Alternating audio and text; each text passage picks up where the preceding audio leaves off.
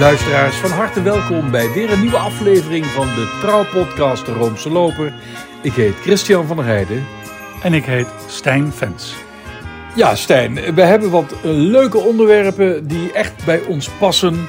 We zijn natuurlijk toch een beetje de Roomse showbiz eh, podcast. We hebben voor u heel veel showbusiness in petto. Maar eerst gaan we het hebben over een bisschopsbenoeming. Dat lijkt een beetje een saai onderwerp, maar dat is het volgens mij toch niet. In ieder geval waar we dadelijk mee gaan afsluiten, is een zeer bijzondere bijeenkomst die de paus heeft belegd in de Sixtijnse kapel. Met allerlei kunstenaars, schrijvers en andere paradijsvogels. En daar waren mensen aanwezig van wie je absoluut nooit zou verwachten dat ze ooit een uitnodiging zouden krijgen van de paus. Maar daarover straks meer. Stijn, wij openen met welk onderwerp? Uh, donderdag 22 juni werd bekend dat uh, Luc Terlinde door de paus is benoemd tot aartsbisschop van Mechelen-Brussel. Dus we maar zeggen, bij de buren. Nou, dat is normaal al nieuws, maar wat uh, blijkt nou, deze Luc Terlinde is geboren in Etterbeek op 17 oktober 1968. Dat wil zeggen dat hij op dit moment 55 jaar oud is. Ja, dus vijf maanden jonger dan ik. Mijn hemel. Ja, er zijn nu bisschop, aard, maar ook aartsbisschoppen, toch in een treedje hoger, die jonger zijn dan wij. Ja, in de jaren 80, begin, jaren 90 zong de popgroep World Party over de teleurgang van de aarde en milieu. En dat alles maar veranderde. En, en, en, dan zit er een zinnetje in als Kings and Queens and Presidents Younger than the Stones. Ja. Nou, dat was toen al heel... Uh, einde der tijden. Einde der tijden. En nou, dit is het ook een beetje. Want, wat kunnen we zeggen? Uh, dat hiermee een trend wordt bevestigd. He, er is een trend gaande dat um, Paus Franciscus jonge, aartsbisschop, jonge aartsbisschoppen benoemt. Maar laten we het eerst eens over die Luc ter Linde hebben. Het is ons buurland. Ze spreken er gedeeltelijk dezelfde taal. En nou ja, wij Nederlandse katholieken kijken ook altijd naar het zuiden, naar België, hoe het daar gaat met de kerk. En die hebben toch een nieuwe metropoliet. Ja, Luc Terlinden, die is kanunnik uh, van het kathedraalkapittel van de Sint-Rombouts-kathedraal in Mechelen. Prachtige kerk, Brabantse gotiek. Uh, Mechelen is een, uh, ja, een interessant aartsbisdom, ooit gesticht door, ik meen, de koning van Spanje. En uh, pas in 1961 is daar uh, de naam Brussel bijgekomen. Dit aartsbisdom heeft twee kathedralen. De Sint-Goedelijke-kerk was een collegiale kerk en voor 1961 geen kathedraal. Dat is dus pas uh, eind 1961 gekomen. ja, het bevat delen van Vlaams-Brabant, maar ook Waals-Brabant en Mechelen behoort tot de provincie Antwerpen. Dus ook een beetje provincie Antwerpen. Kortom, een zeer ingewikkeld diocees. Tweetalig. Luc Terlinde is overigens de naam. Je zou zeggen het is een Vlaming. Maar hij wordt gerekend tot de, tot de Frans sprekenden. Of je dan meteen een Waal bent, dat is dan nog ingewikkeld. Nee, volgens mij ben je dan toch niet een Waal. Dan ben je dus iemand uit Brussel, zal maar zeggen. Ja, een Brusselaar. Een Brusselaar. En je hoort het ook wel een beetje, als je hoort praten. Misschien moeten we even naar een klein stukje gaan luisteren van de nieuwe aartsbisschop. Voor de kerk en voor ons bisdom ook, in de Belgische kerk. De uitdagingen hier voor de kerk zijn zo groot. Zo groot dat we kunnen dat niet uh, tussen bisschoppen oplossen. Of, dat is samen op weg. Samen op weg. Uh, en uh, in een gemeenschappelijke onderscheiding, om, om uh, naar het woord van God te luisteren, naar elkaar luisteren ook, zo belangrijk. En, en, en, om verder te gaan uh, met misschien zeker, en zeker evolutie in de kerk. maar dat is een manier om de geest van de Heilige Geest beter te volgen, denk ik ook die samen op weg. Wat voor man is het eigenlijk? Dat is, moeten we toch even iets over zeggen. Nou, ik zou zeggen, het is een moderne man. Hij, uh, hij is sportief en hij heeft een tackle. En die heet Oscar. Oh. Ja. En uh, kijk, als kind, heeft hij, als kind heeft hij getwijfeld. Brandweerman, dierenarts of priester. Nou ja, het is dus het laatste geworden. Maar als er ergens in het diocees een kerk in de fik staat, nou dan weet hij volgens mij ook wel wat hij moet doen. Dat denk ik ook. Hij is ook moraaltheoloog. Na zijn priesterwijding, hij was eh, bijna 31 toen hij priester werd gew- gewijd. Een late roeping zou je kunnen Nee, nee, zeggen. nee, nee, nee. Dan spreken we van een laat antwoord. Ja, ja, ja. ja. En eh, is hij naar Rome gestudeerd om daar, eh, gestuurd om daar moraaltheologie te studeren aan de Pontificia Academia Alfonsiana. Genoemd naar Sint Alfonsus Ligori, de redemptoristen heilige eigenlijk, die, eh, die ook bekend staat als een groot moraaltheoloog. Daar heeft hij een licentiaat gehaald. Eh, Het lik zet je dan achter je naam. Lik. Lik op stuk. En hij heeft daar ook een doctoraat gehaald in de gewijde eh godgeleerdheid. Zeg je dat zo? Dus geen PhD, denk ik. Maar hij is wel doktord. Hij is gedokterd, ja, toch? Ja, ja ge- eh, niet gedotterd, maar gedoctoreerd. Gedoctoreerd, zo Ja, ja. ja. En niet op een, eh, toch wel op een interessant onderwerp. eh, over het moderne individu bij de filosoof Charles Taylor. Niet makkelijk, niet makkelijk. Maar ook het geweten volgens kardinaal John Henry Newman. En van deze Engelsman leren wij dat God spreekt tot ons via het geweten. Sterker nog, er is een aanwijzing voor Gods bestaan door het geweten. Dus dat is interessante materie. Na zijn eh, afstuderen werd hij in 2003 kaplaan, eigenlijk beter is het woord parochievicaris, in Louvain-la-Neuve. Ja, Louvain-la-Neuve, wat is dat? Ik zou het niet weten. Louvain-la-Neuve is speciaal uit de grond gestampt Ja. door de Leuvense kwestie in de jaren 60. Terlindens voorganger Leo Sunens, die was absoluut tegen de tweedeling van Nederlands en Frans sprekende studenten. Hij vond dat internationaal eigenlijk niet passend wanneer er twee universiteiten zouden zijn. Het hele land kwam in opstand. En toen hebben ze dus, om de gemoederen te kalmeren, hebben ze eigenlijk twee universiteiten gesticht. De UCL, de gewone eh, Katholieke Universiteit Leuven en Louvain-la-Neuve. Eh, dus daar heeft, is hij geweest. Daar heeft u trouwens ook heel veel te maken gehad met jongeren. Hij heeft een oratorium gesticht. Eh, dat, wat is dat? Dat is een naschoolse plek om samen te ontspannen, te eten en te bidden. En hij heeft verder, ja, eigenlijk... Gewoon carrière gemaakt, hè? Hij heeft gewoon carrière gemaakt in het aartsbisdom Mechelen-Brussel. ja, maar het lijkt mij geen carrièrebeest. Nee, het is gewoon een hele, het is een hele aardige man, lijkt me. Ja, want het is van een Franciscusbisschops. Zou je dat Ja, niet... ja, want hij heeft als een motto, als, als, als wapenspreuk gekozen: Fratelli Tutti. Nou ja, Naar de encycliek over de universele broederschap. tenminste, eh, die heet ook zo, die encycliek. Nou ja, het is, dat, is, dat doe je niet zomaar. Want je weet gewoon, als je, als je zo'n zo'n bisschopswapen kiest, zo'n zo'n zo'n tekst. En niet meer in het Latijn. Ik, vroeger was het toch altijd Latijn. Hè? Of dus ja, Muskens gebruikte shalom. Ja, dat is Hebreeuws. Dat is Hebreeuws. Maar toch heel vaak eh, vroeger Latijn. Dan weet je als je, deze, als je dat Fratelli Tutti neemt, dat iedereen denkt: ha, dit is een Franciscus bisschop. En laten we wel zijn, dat is zijn ehm, voorganger, moeten we nu zeggen. Eh, kardinaal de Kezel is dat ook heel erg een Franciscus bisschop. Saaie man. Nou, ik heb een, echt een schitterend boekje geschreven over de, de plek van de kerk in de seculiere samenleving. Echt een voortreffelijk boekje. En ehm pikant is natuurlijk dat toen eh dienstvoorganger Daniels vertrok, dat eigenlijk heel veel mensen al de kezel zagen als, als, eh, als de opvolger van Daniels. Maar toen heeft Benedictus Leonard benoemd. Ja, het moest een Franstalige zijn. Hè? Ja. Ja, want het is eh, om, eh, om de beurt. Hè? Franstalig, Nederlandstalig, Franstalig, Nederlandstalig. En toen die weer eens aftrad, toen kon de kezel alsnog aartsbisschop worden. Eh, Leonard werd geen kardinaal en de kezel meteen wel. Dat werd, sommige, werd door sommigen ook uitgelegd. Dat is toch een beetje een schoffering aan het adres van Leonard. Nou ja, ehm, interessant is natuurlijk ook hoe Luc Talinde op die plek terecht is gekomen.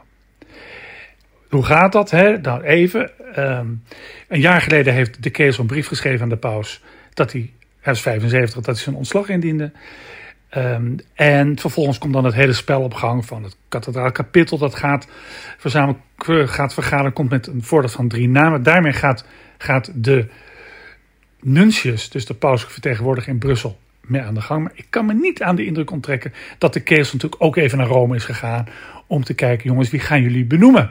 Want hij was ontzettend tevreden en blij dat zijn vicaris-generaal, want dat, dat was Luc uh, Talinde tot een week terug, ehm, dat die zijn opvolger is geworden. Dus ik denk dat de kees wel een beetje hier en daar gemasseerd heeft. Heel opmerkelijk is dat uh, Terlinde nog geen bisschop is. Nee.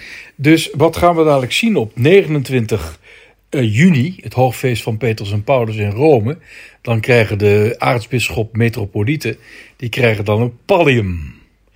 Niet meer krijgen ze dat opgelegd door de paus. Vind ik, vind ik wel jammer eigenlijk dat hij dat niet meer doet. Waarom Ook een beetje raar. Ja, waarom eigenlijk niet? Ja. Komen ze naar Rome? Ja, helemaal naar Rome. helemaal naar Rome. Nou ja, dus je zal de aartsbisschop zijn van een, van een, van een, een bisdom in Australië, een aartsbisdom in Australië.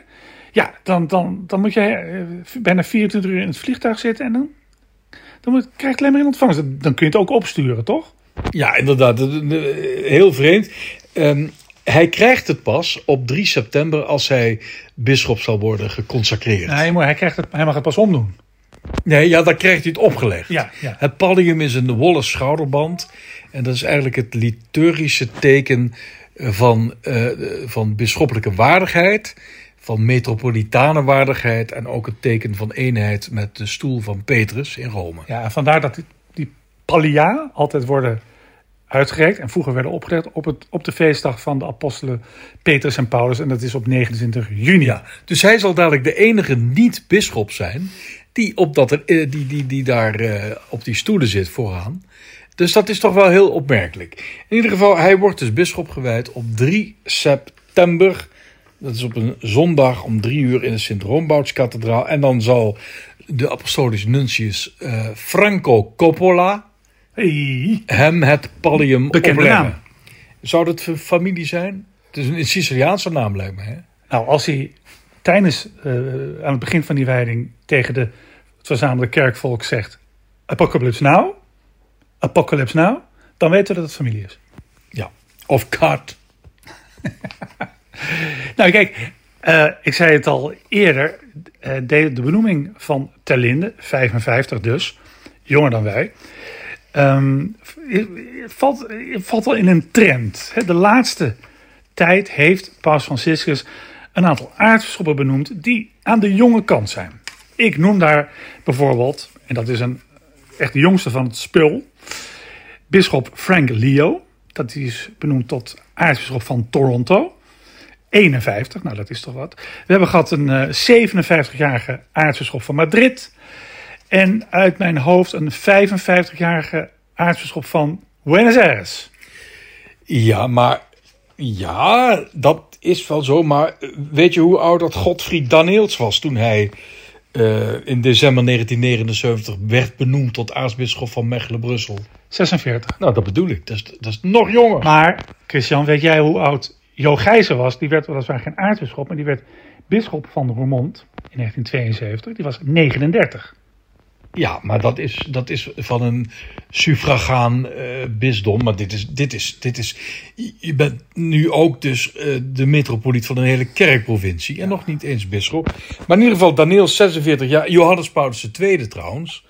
Die was, even kijken, die was 43 toen hij aartsbisschop werd van Krakau. Ook jong. Ook. Maar goed. Maar altijd nog tien jaar ouder dan onze Liveer toen hij aan het kruis stierf. Om dit nog even mooi af te ronden. Bisschoppen um, die worden geacht uh, op hun 75ste hun ontslag in te dienen. Nou, dat betekent dat de namen die we net noemden, Luc Terlinde, maar ook die nieuwe aartsbisschop van Madrid, uh, die nieuwe aartsbisschop van Buenos Aires, nog zo'n 20 jaar, mits hun gezondheid dat toelaat, of ze op niet, en uh, mits ze niet op een andere manier in de problemen komen, aan het bewind zijn, bisschop kunnen zijn. Dat, en ervan uitgaande dat, en dat geloof ik toch wel, dat Franciscus op dit soort belangrijke posten, zeker in Buenos Aires, maar ook in Mechelen, Brussel en in Madrid, mensen aanstelt, mensen benoemt die een beetje in zijn lijn denken. Laten we zeggen, Franciscus-bisschoppen zou je kunnen zeggen, is dit beleid om jonge aartsbisschoppen te benoemen. En misschien maakt hij straks ook nog wel kardinaal, één of meerdere van deze nieuwe aartsbisschoppen. Dat hij daarmee eigenlijk zijn erfenis veilig stelt. Deze paus is 86, nou 100 zie ik hem niet worden, maar je weet het nooit. Dan in die zin gaat het door. Je zou kunnen zeggen, dit is ook een manier om over zijn graf of zijn aftreden heen te regeren. E vi ringrazio e vi confermo la mia stima. Vi auguro che le vostre opere siano degne delle donne e degli uomini di questa terra rendano gloria a Dio che è Padre di tutti e che tutti cercano anche attraverso l'arte. Infine vi chiedo armonicamente di pregare per me. Grazie.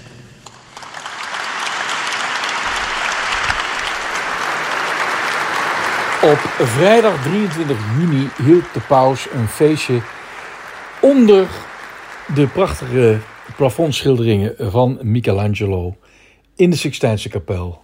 Ter gelegenheid van ja, toch wel een markant moment. Namelijk de stichting van de afdeling moderne kunst in de Vaticaanse musea. Ik weet niet of je daar wel eens geweest bent in die eh, afdeling. Zeg Meer, maar. meer dan me lief is. Nou, kijk, het aardige is natuurlijk dat ehm, die Vaticaanse musea, dat zijn een, ja, zijn een eenschaak van allerlei schitterende collecties en musea. Dus vandaar ook de Vaticaanse musea. Je hebt het Egyptisch museum, je hebt het, eh, eh, natuurlijk de hele, je hebt het museum van de koetsen en de auto's. Je hebt de afdeling postzegels. Nou, je hebt al die, schitterende Romeinse beelden. Het zijn allemaal bijna aparte collecties, zou je kunnen zeggen. Nou, ehm, maar de bezoeker aan de Vaticaanse musea heeft eigenlijk maar één doel. En dat is in die Sixtijnse kapel terechtkomen. En het liefst zo snel, mogelijk, zo snel mogelijk. En ze kijken onderweg nog wel even wat ze zien. Maar ze letten maar op één bordje en dat is Capella Sistina. Nou, dat dat is een, was een doorn in het oog van de vorige directeur van de Vaticaanse musea. Want die had laten uitzoeken dat toeristen eh, vijf kwartier doorbrachten in zijn schitterende musea. Dat wilde hij langer maken. Dus wat heeft hij gedaan? Hij wilde die tijd langer maken, groter maken. Toen heeft, wat hij gedaan heeft, is de, de route naar de Sixtijnse kapel omgelegd. Zodat als je daar terecht wil komen, moet je door de collectie moderne kunst. Nou, dat was tot dan toe, om met Antoine Baudard te spreken, een prima plek, plek om te brevieren. Namelijk, er kwam geen hond. Je kon er een, een, eh, een, een, een kogel in afschieten. Maar tegenwoordig is het hartstikke druk. En het treurig is nu, er hangen schitterende dingen. Schitterende eh, creaties van Mansou, de grote beeldhouwer. Ze hebben een Francis Bacon, ze hebben een Van Gogh, Georges Rouault. En, en, en schitterende kazuifels van eh Matisse. Ja, het echt allemaal prachtig. Maar niemand let erop. Want ze willen alleen maar naar die Sixtijnse Ja. kapel. Nou ja, ik ben er. Ik heb er ooit eh, met collega Bart Ruijs een jaar of vijftien geleden eh, mogen draaien. En toen was bijvoorbeeld een schitterende ruimte met allemaal werk van Georges Rouault. Was gewoon niet open. Dan kon, dat, dat konden we gewoon een hele dag draaien. eh, filmen. Dus nou, om dat nu te herdenken. En ik ben het daar voor. Om dat ook te laten zien. Dat kunst en katholieke kerk niet alleen maar barok is of renaissance of iets van lang geleden, maar een dynamische band, dat er dynamisch, nog steeds een dynamische band bestaat tussen kunstenaars en de kerk, werd die afdeling gesticht en nog steeds aangevuld. Nou, dat was de aanleiding voor dat feestje in de Sixtijnse kapel. Ja, de afdeling moderne en contemporaine kunsten. Ja. Paulus VI was een heel eh, groot liefhebber van moderne kunst. Het is ook altijd een beetje om hem te eren ehm, dat Franciscus dit feestje heeft belegd. Hij heeft een prachtige toespraak gehouden. We gaan dadelijk even spreken over de gasten voor wie hij deze toespraak hield. Maar ik wil er toch een klein stukje uit voordragen als jij het goed vindt. Ik vind het goed. Namelijk, hij zei eh, iets wat jou wel zal aanspreken, Stijn. De Bijbel staat vol met momenten van ironie, waarbij de spot wordt gedreven met de aanmatiging van zelfgenoegzaamheid, dubbelzinnigheid, onrechtvaardigheid, onmenselijkheid, wanneer deze met macht en soms zelfs heiligheid worden bekleed. Je doet er ook goed aan om wachter te zijn van de ware religieuze betekenis die soms gebagatelliseerd of gecommercialiseerd is.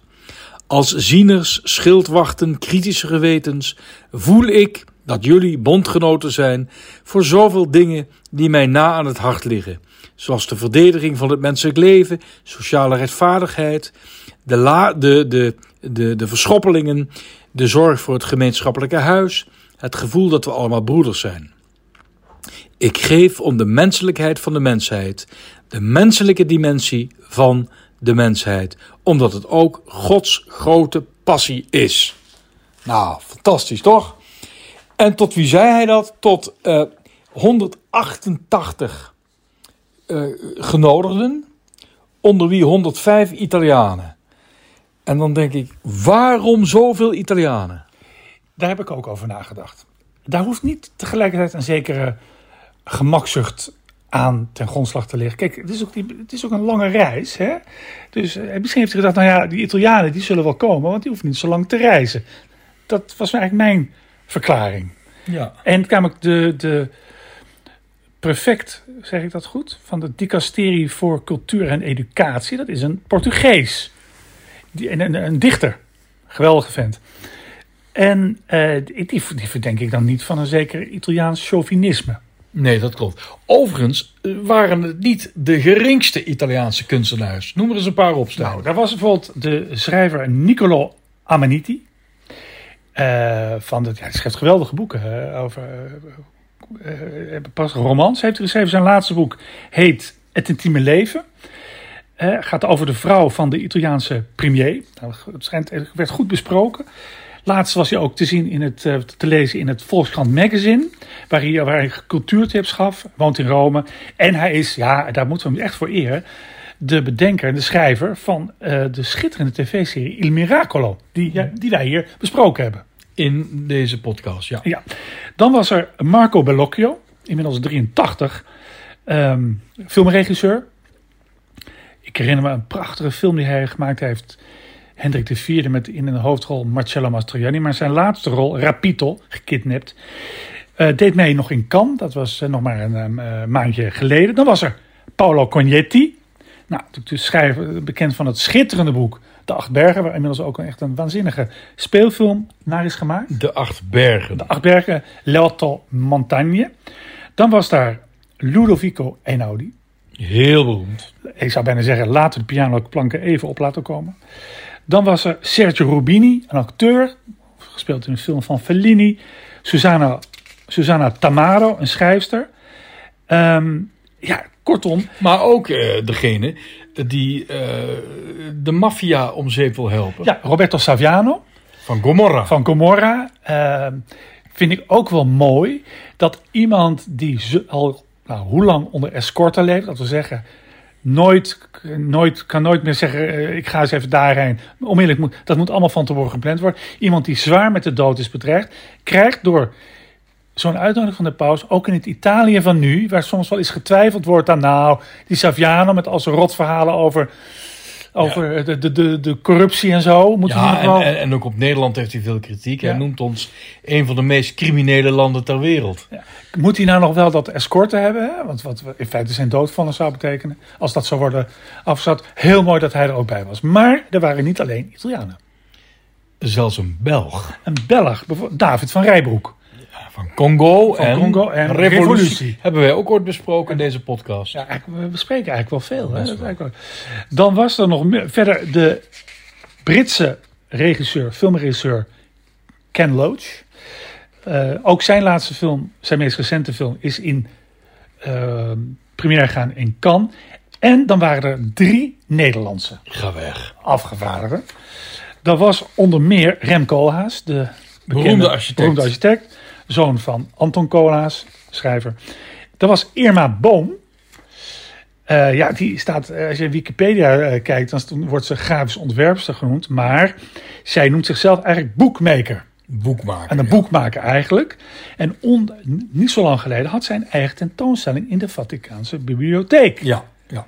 Hè, waar ze eigenlijk liet zien um, uh, met haar eigen werk uh, zetten ze eigenlijk af tegen al die prachtige manuscripten in de Vaticaanse bibliotheek.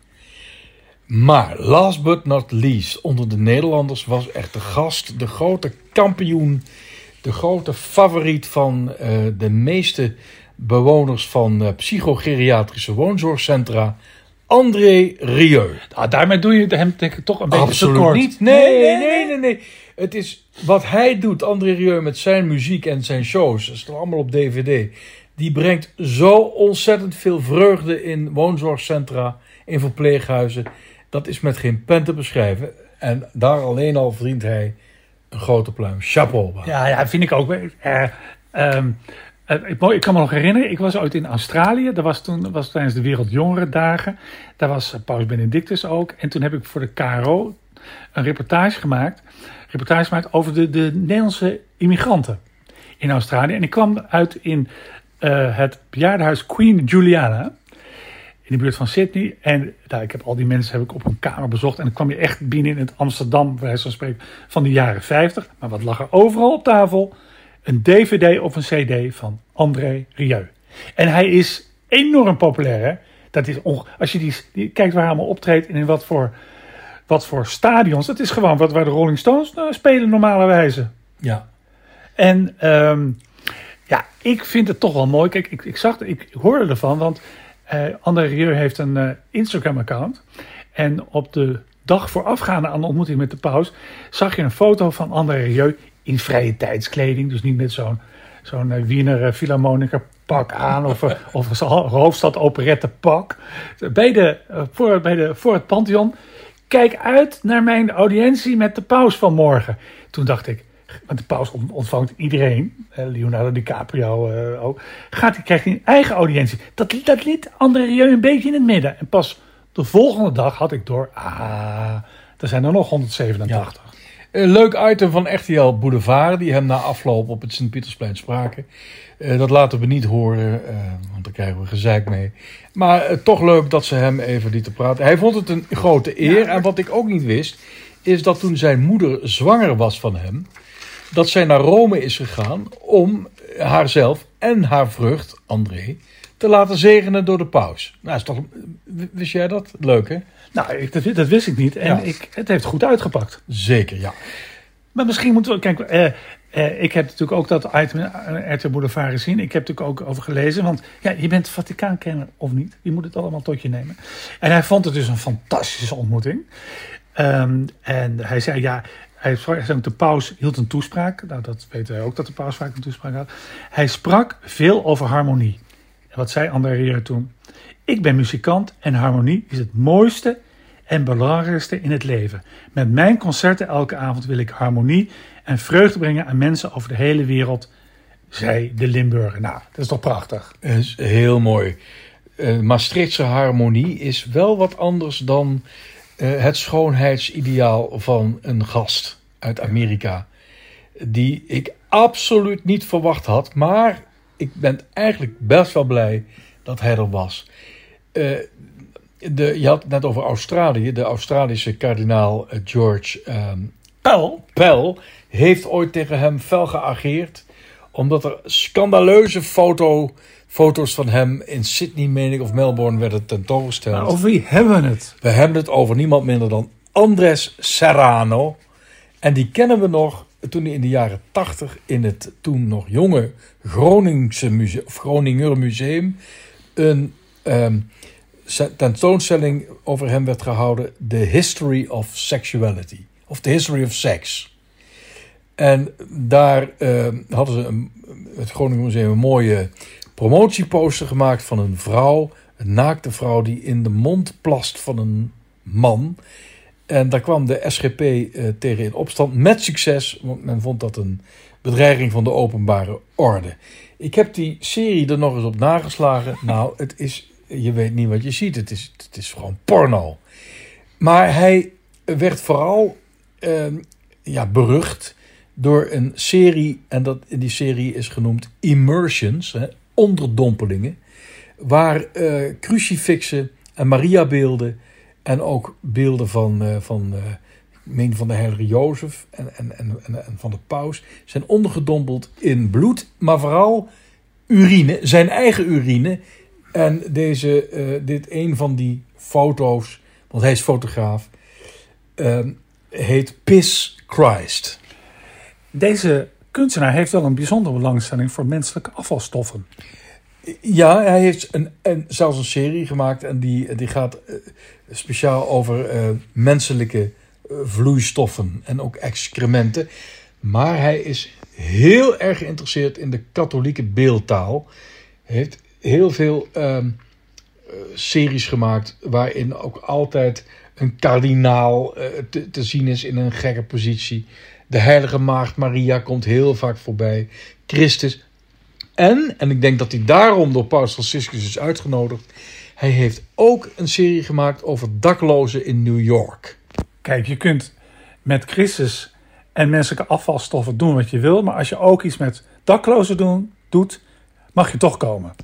Franciscus kijkt eigenlijk niet zozeer naar de schandalen. Maar als jij eh, de daklozen van New York in het zonnetje zet, dan ben je de beste makker van eh, Bergoglio. Luisteraars, we nemen afscheid. Tot de volgende keer. We gaan eruit met de Chit Chat Polka, gespeeld door het Johann Strauss Orchestra onder leiding van André Rieu.